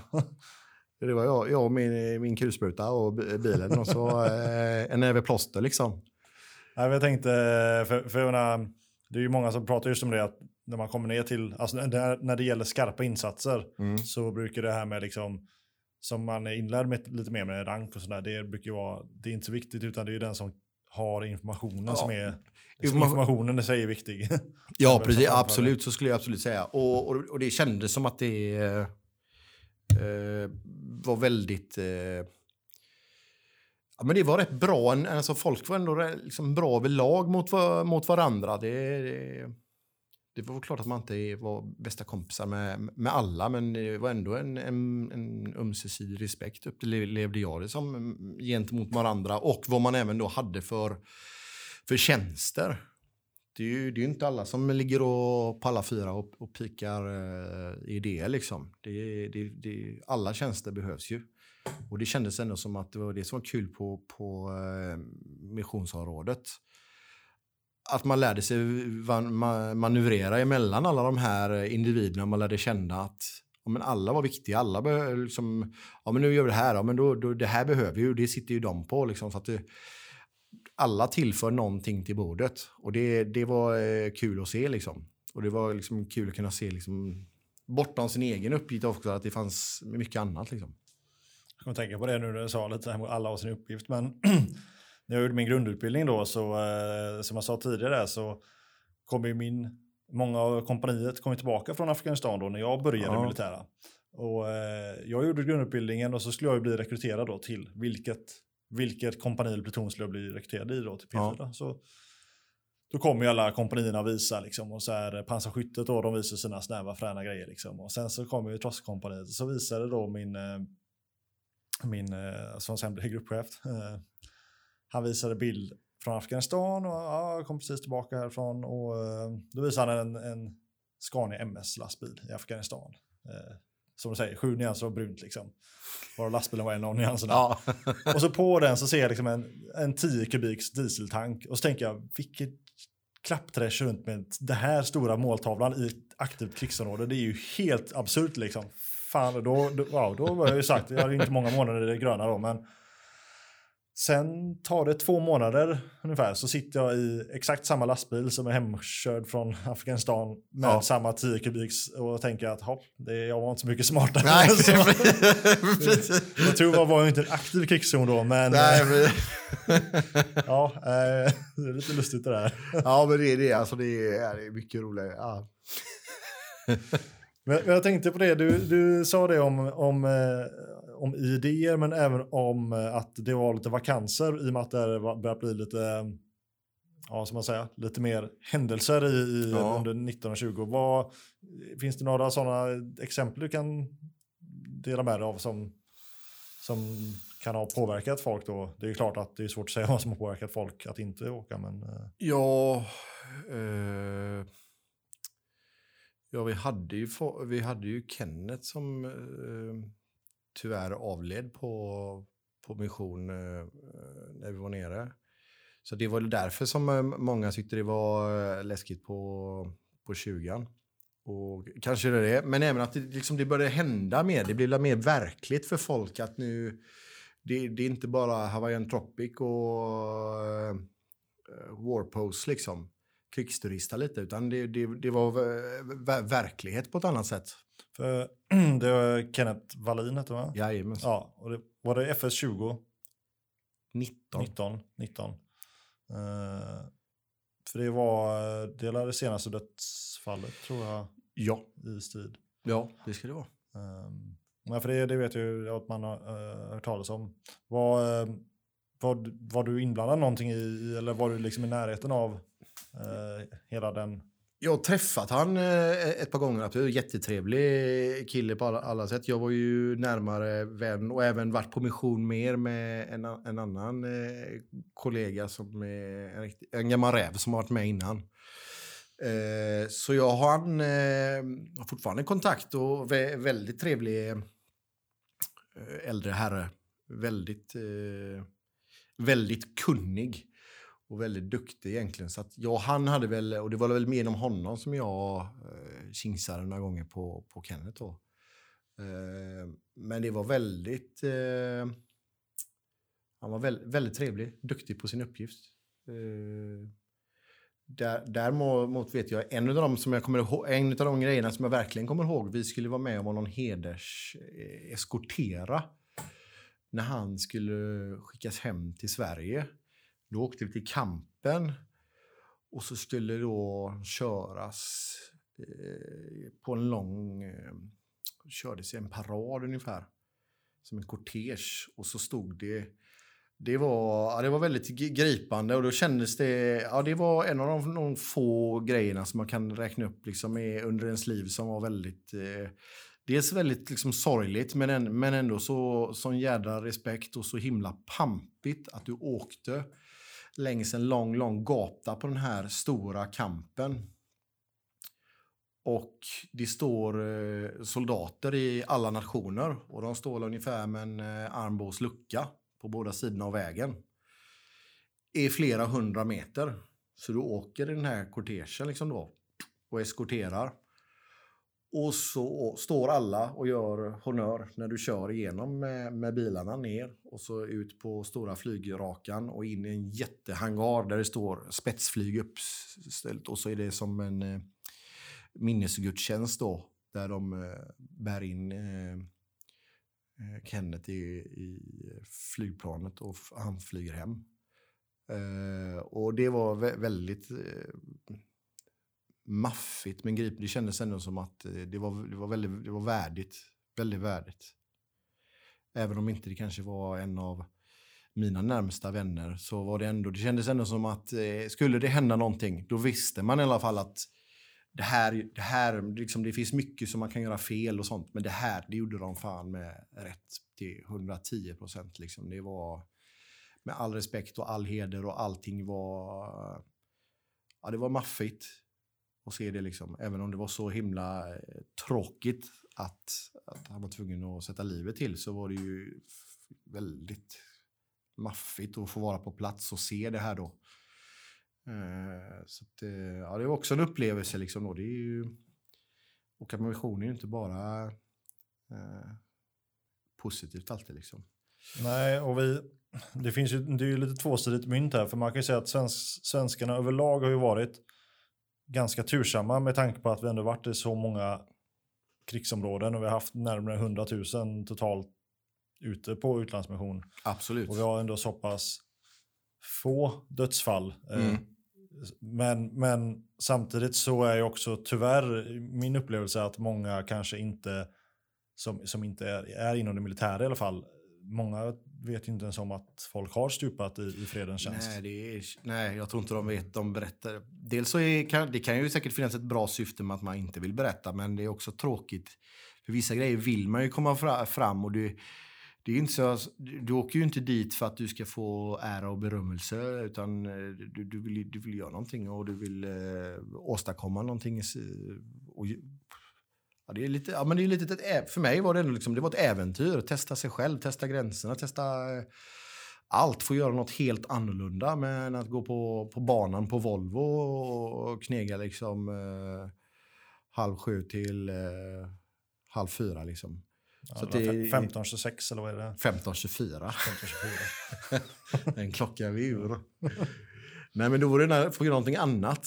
Så det, det, eh, det var väl liksom, det var det som var där, att, att få göra någonting annat. Så kände jag att få, det, det drev mig mycket liksom att få, få testa någonting annat. Och också bevisa lite för sig själv att man, eh, man klarar av det. Att, eh, att det få annan förståelse för omvärlden. Man har ju varit rätt så skyddad här hemma. Liksom.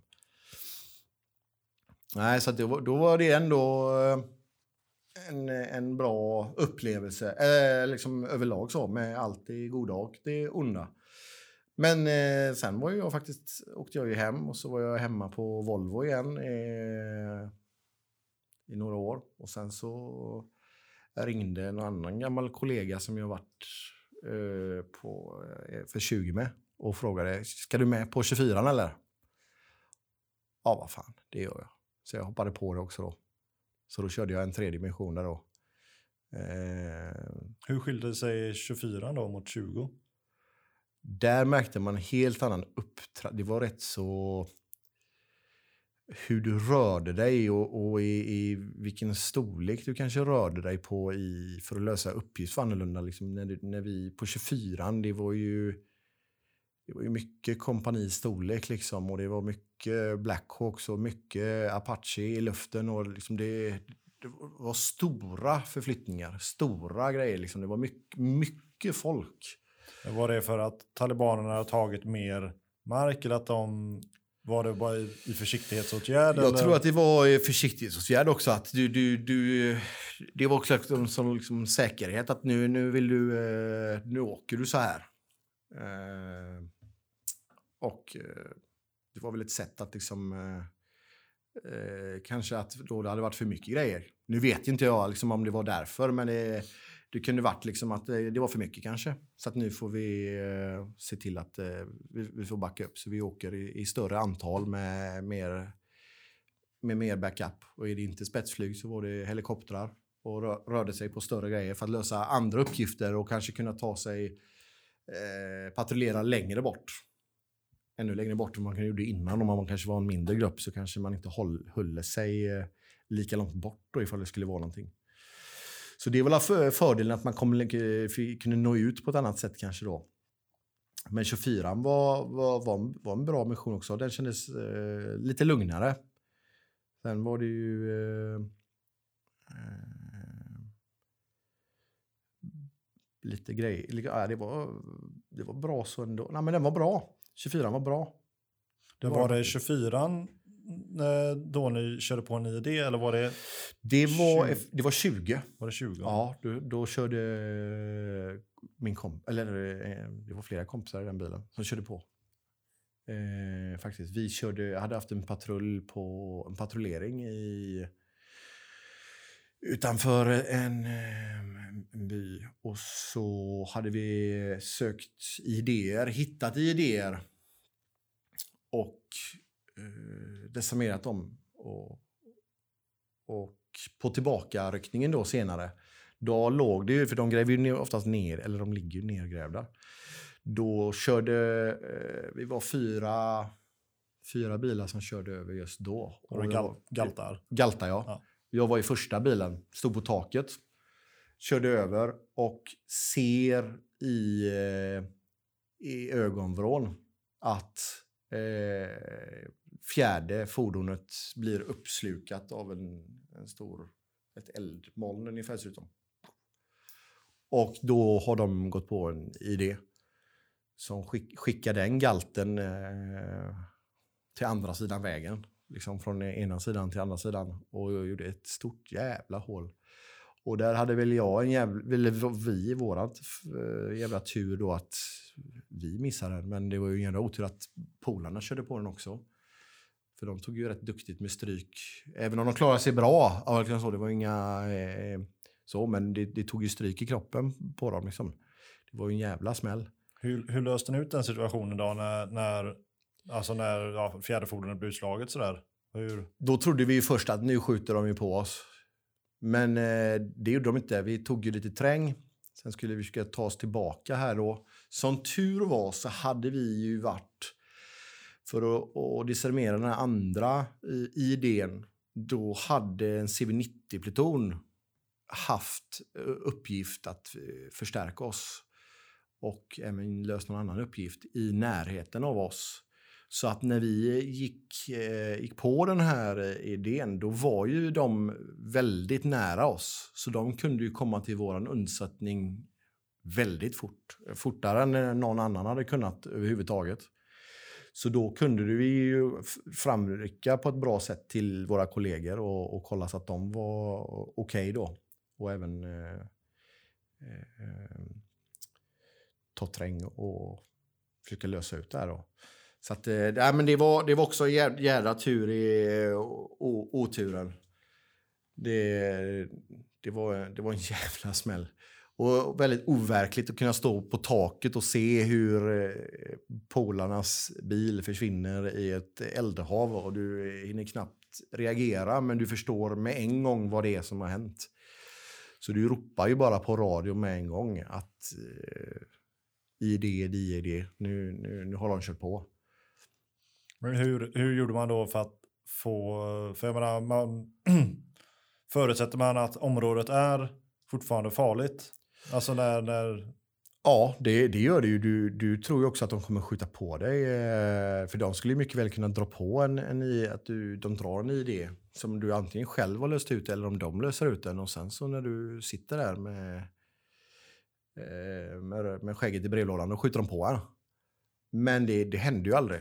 Utan eh, då fick man ju göra att liksom, lösa striden är ju det som är, är hög prio.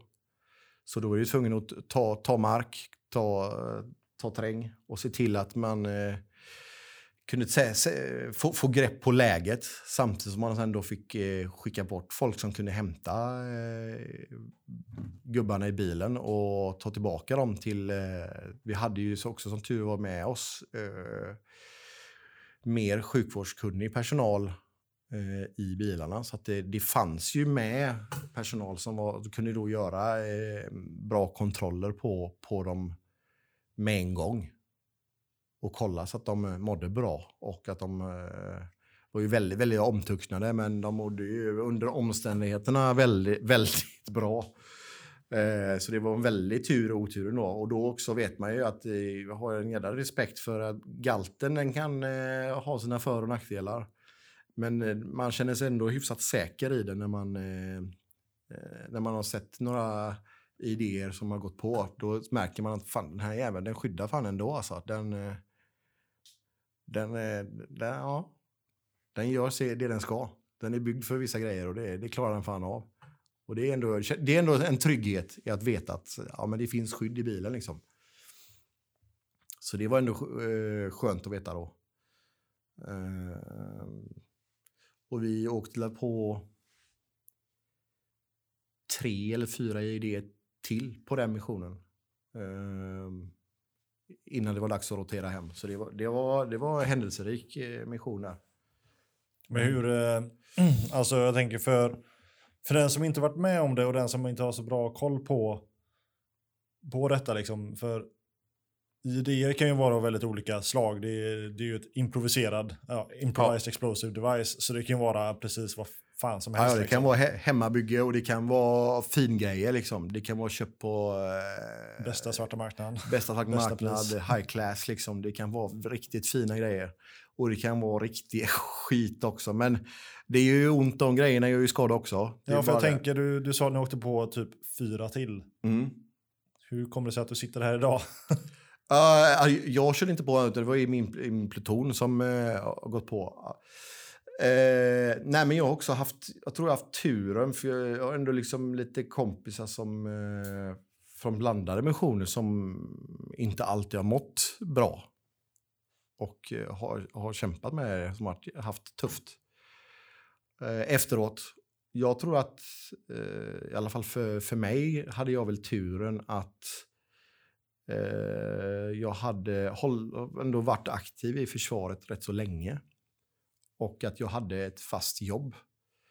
Eh, så att jag, när jag kom hem så hade jag ju bara liksom lite semester eh, någon vecka eller tre och sen så ställde jag mig på bandet och skruvade igen.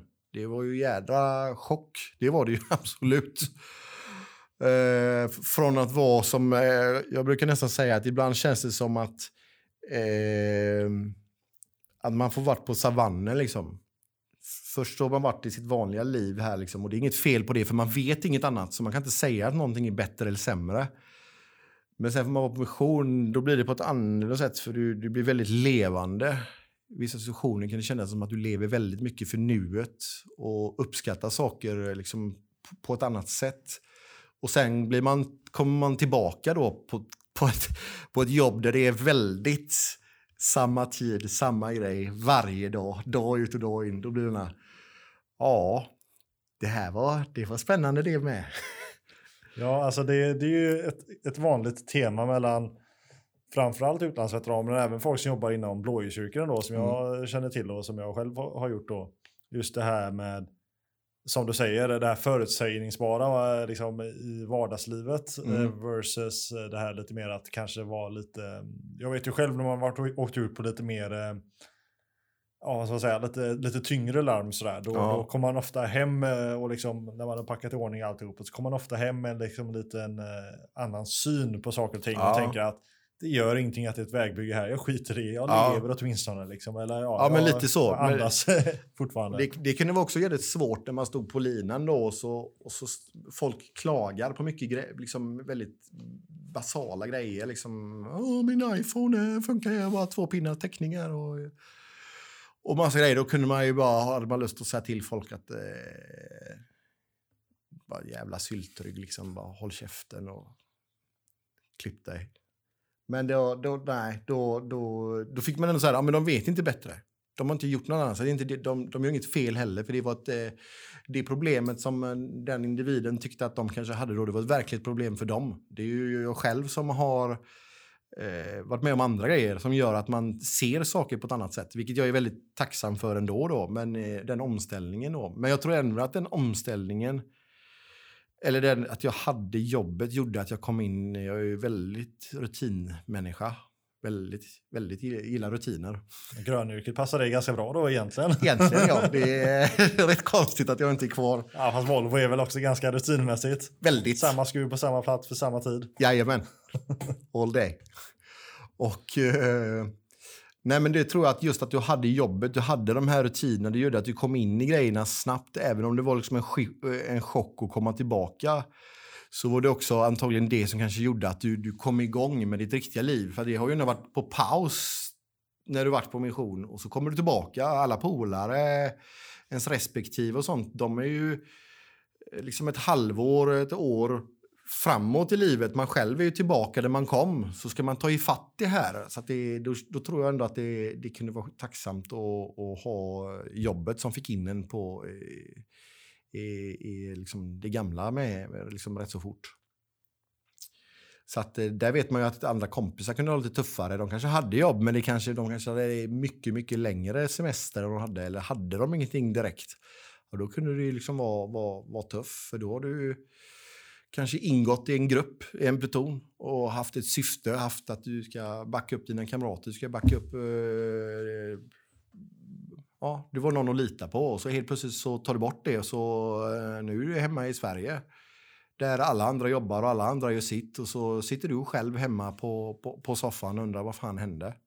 Då kan det bli eh, övermäktigt ibland. Det är, det är fullt förståeligt liksom då. Så då kan det vara svårt. Får du din lilla broschyr som du kan veckla ut som är grön, gul, orange och röd där du kan då läsa på bara, Ser du dig själv sitta i en bilkö och bli väldigt irriterad? Bara, ja, vem fan tycker om att vara i kö? Bara ring en vän.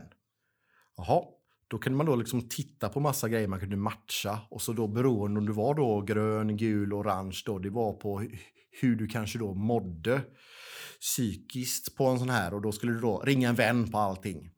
Så det var, så det, ja, det, det var liksom också så här.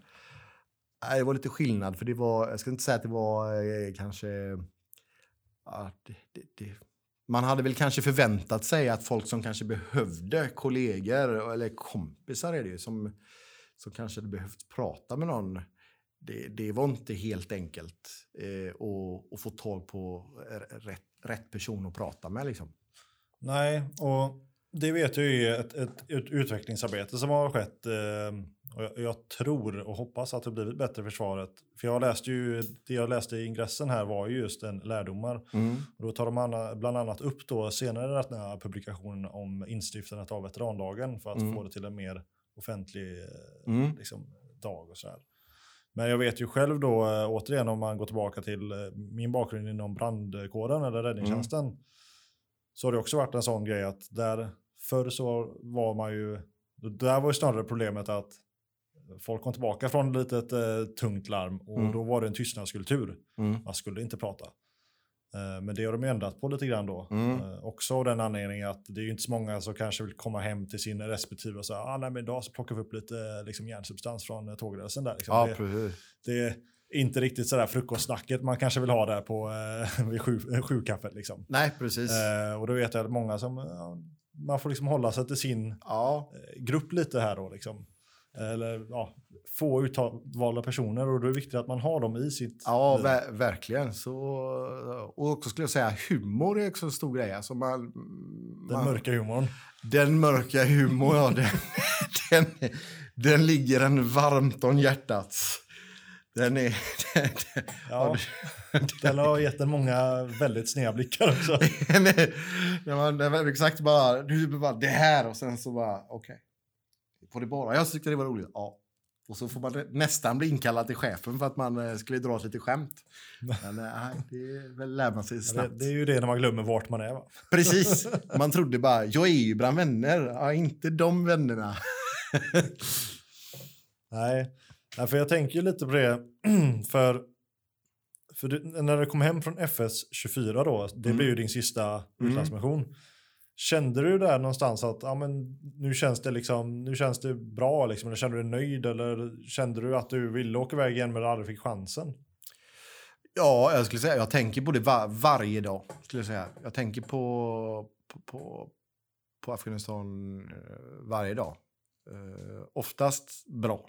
Uh, just att man saknar saknar he, alltså, eh, saker som man trodde att man aldrig skulle sakna. Det, det, det kanske du saknar. Men, men ja, jag har väl sagt, och min, eh, min fru har väl snarare sagt att ja, det kanske kan få bli en mission till. Det hade ju varit kul att få åka till, till Mali. Eh, jag var på väg där, men då fick jag ju ett annat arbete på Volvo. Och då kände jag att då fick jag nog satsa på hemmaplan för en gångs skull då, om jag inte ville gå och skruva skruv eh, 15-20 år till. Liksom då. Så då kände jag, äh, nu får jag satsa här då. Men eh, hon är väl positivt. Vi har alltid haft en, en öppen och bra dialog. Vi, vi träffades, jag träffade ju ändå min fru när jag eh, åkte ner. Ja, jag åkte ner på 24. Och eh, då... Eh, det funkade bra. Vi höll kontakten och så blev det som det blev. Och nu eh, bor vi här och har två barn och allt är jättebra liksom. Så att, eh, nej, men vi har alltid haft en bra relation och hon är väldigt förstående. Och eh, försöker väl dela så mycket som jag, jag kan och, och, och vill. Och får alltid, eftersom hon också då jobbar i, inom vården så har hon också bra för, kan, för, ja, men det känns ändå som att hon kan förstå på vissa grejer liksom på ett bra sätt. Så man kan ändå prata om det. Och hon är väl inte, tycker, tycker väl inte att det är någon, eh, någon, någon jätteproblem om jag skulle åka på mission igen. Det är väl bara att man får se vad, vad är det för tjänst och vad är det för grejer och vad, vad händer. Liksom sånt. Så får man, får man ju se. Man blir ju äldre också. även om någon annan jävel eh, påstår det. Så blir man väl äldre. Eh, Men eh, absolut, skulle jag få, få chansen så skulle jag jättegärna vilja åka igen. Det, man blir nog aldrig riktigt färdig tror jag. Växer nog aldrig riktigt upp heller. Nej, nej, nej. nej, nej, nej. Det ligger där och gror lite liksom. Det, och är, också, är, är det också rätt, rätt person som ringer och frågar Hallå gubben, ska du med eller? Ja. När åker vi? Då... Viss, vissa personer ligger ju alltid närmst som hjärtat och de kommer det alltid vara svårt att säga nej till när de ringer. På gott och ont då. På gott, på gott och ont givetvis. Så att eh, man får se vad som händer i, i framtiden. Liksom. Eh, får se vad som händer. Man vet aldrig riktigt. Jag tänkte lite avslutningsvis här. Eh, alltså som, som utlandsveteran då liksom och, och inom den, det communityt så att säga. Vad, vad skulle du vilja se mer av inom eh, liksom för, av och liksom för veteraner och av veteraner och, och sådär. Och med veteraner. Jag gillar väl egentligen, eh, eller gillar, jag tycker det är jättekul att se hur de senaste åren har eh, blomstrat egentligen med initiativ från eh, allt från Rekyl till eh, din podd till allting som gör att det har blivit mer och mer uppmärksammat. Det vet jag ju bara själv att eh, några av eh, andra sådana händelser som ligger mig väldigt varmt i hjärtat har också varit att jag har en, eh, en Gula bandet eh, på min bil. Och det är Och haft- alltså då, Gula bandet är ju för veteraner, Ja, utlandsveteraner. stöd utlandssoldater eller veteraner.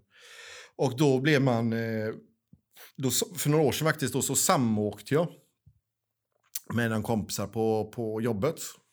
Och då hoppade vi ur och så åkte en, eh, en kollega iväg och så han jobbade på en annan avdelning medan vi andra, två andra killar jobbade på, på samma line.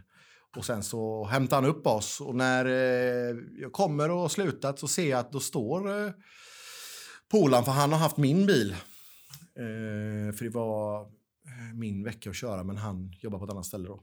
Så han hade bilen eh, till en annan del av Volvo då. Så då så står han och tittar på mig när jag kommer gående genom grinden precis som att tänkte bara... fan har du krockat nu? Vad fan har du gjort nu? Och han står och tittar på mig lite så här förundras lite grann. Lite, lite som att han förstår inte riktigt vad det är som händer. Men han står här snällt och väntar på mig i alla fall då, för jag ska ju köra bilen hem. Och bredvid honom står en, en, eh, en gammal gubbe som säkert är 70-80 bast. Så jag bara, tjena, vad, vad, vad händer? Bara, och då säger kollegan, bara, han, eh, han vill prata med dig. Så, Jaha, tänkte jag, vadå? Då kommer den här gamla gubben fram, eh, pekar på gula bandet-dekalen på bilen, sträcker fram handen och säger eh, Kongo. Och eh, presenterar sig och jag stoppar fram handen och säger ja, Niklas, Afghanistan. Pratar i, i tio minuter någonting. Då har han sett dekalen på min bil när han åkt förbi. För, kört efter bilen för att stanna för att få prata då, men det var ju fel person i bilen.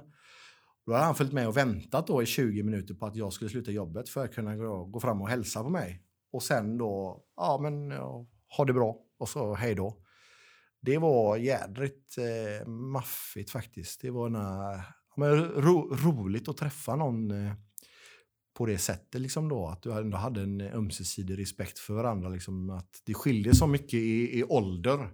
Men du delade ändå den här eh, upplevelsen tillsammans som ändå liksom kunde, kunde knyta samman. Liksom då. Så det spelar ingen roll att det var en ren främling som jag aldrig sett i hela mitt liv. Du kunde ändå liksom prata några minuter och förstå varandra precis som vem som helst. Eh, och så sen bara, ha det så bra, ta hand om dig. Ja, det är samma. Och det har jag faktiskt varit med om den gången och en gång till när jag var handlad en annan gång. Så jag har också varit där hand, eh, med om det. Och det var det är väldigt, väldigt maffigt faktiskt. Men sen är det ju negativt också. Jag har blivit spottad på när vi har varit på Arlanda också. Kom en gång eh, hem på liv. Det blev också spottad på. Kallade eh, barnamördare. Så det, men alla kan ju inte födas med intelligens. Så att, eh, ska man säga. Nej, så är det ju. Eh, och även har, har varit också, vi varit någon gång eh, ute och, vi skulle resa, eller vi, vi, var, vi har för mig att vi kom från en liv. Och så kommer, är vi på Arlanda och så kommer också en liten tjej typ och pekar, för då, då hade vi ju uniformen på oss. Och pekar på oss. Eh, och tisslar och tasslar liksom där och är väldigt nyfiken och tittar på oss. Liksom, för hon har väl inte sett det var, varenda dag liksom då. Eh, men det som var så tråkigt det var ju då att hon ville ju gå fram och hälsa. Hon stod och vinkade till oss och såna grejer. Det är ju att då kommer ju föräldern fram, lägger handen runt barnet och säger det är inte bra människor. De ska du inte prata med och föser den åt sidan och så går de iväg. Och det står den här vi åtta ska iväg liksom på och bara vad fan händer nu? Är det det här du lär ditt, ditt barn? Liksom, vad, fan, vad, vad tror du om oss egentligen då? Eller, vad, vad, eller snarare, vad vet du inte? Och det blir också så här är det väldigt speciellt, väldigt uh, udda som man inte riktigt kanske är, är beredd på överhuvudtaget. Utan man, man sköter mest sitt och så blir man väldigt tagen på sängen. Att, vad fan tror folk att vi gör egentligen? Men det kan ju, alltså jag, jag, jag hoppas ju och tror ju att de senaste åren så här nu lite mer fokus då på, på veteranfrågor och, och Försvarsmakten överlag ska jag väl säga. Eh, och även de nya, återigen att man har värnplikten. Ja. Eh, men sen eh, någonting som jag, som jag faktiskt tyckte varit väldigt bra har ju varit veterandagen har blivit mer och mer uppmärksammad och blivit mer medial. Eh. Jag har ju instiftat numera en tradition hemma att på veterandagen så kollar vi på livesändningar då för kan det Jajamän. vara i Stockholm mm, hur som helst. Men, eh, Mm. och det har jag som liksom, eh, tradition hemma. Och, Ja. och jag upplever väl det som att det börjar långsamt bli lite mer etablerat. Ja, nej, men det, så- det har hänt mycket de senaste åren. Det är det liksom. Det är, det är samma här. Man, man passar på att ringa runt lite och, och heja på polare liksom på veterandagen. Man eh, kollar lite till, till, till varandra, lite bodycheck. Kollar så att eh, alla mår bra, de lever och ser vad de gör. Och, ja, men det har hänt mycket de senaste åren faktiskt. Så det, det är kul att se vad som, eh, vad som händer och eh, spännande att se vad som komma skall. Liksom, eh. Så att, eh, ja, det, är, det, är jävligt, kul. det, är- det är kul. Det är förändringarnas vind liksom. Eller vad skönt det är. Jajamän. Och det är en av de förändringar som jag vill försöka skapa lite med den här podden är ju just eh, uttrycket då, tack för en insats. Eh, Mm. För jag tycker att det är ett, eh, ett fint uttryck och det är ju lite stulet såklart från amerikanernas thank you Ja. for service. Och jag vet ju att de har börjat använda det lite nu då på veterandagen också. Mm. vet jag. Så att, men som avslutningsvis skulle jag vilja säga tack för en insats, eller Tack så insatser, Ja, jag kanske säga. tack så mycket. Vilken Så, dag som helst. Får jag eh, önska dig eh, allt gott framöver och så får vi se om vi kanske ses eh, framöver på något annat sammanhang. Det gör vi garanterat. Så ha det så gött. Tack så mycket. Ha det gött. Tackar. Hej. Och med det så tackar jag dig som har lyssnat. Uppskattar du denna sortens podcast så hade jag uppskattat om du delar denna med dina vänner, om du följer podden på sociala medier och om du berättar om podden för folk i din omgivning. Hjälp mig sprida dessa otroliga berättelser så att fler kan få höra dem. Tack och klart slut!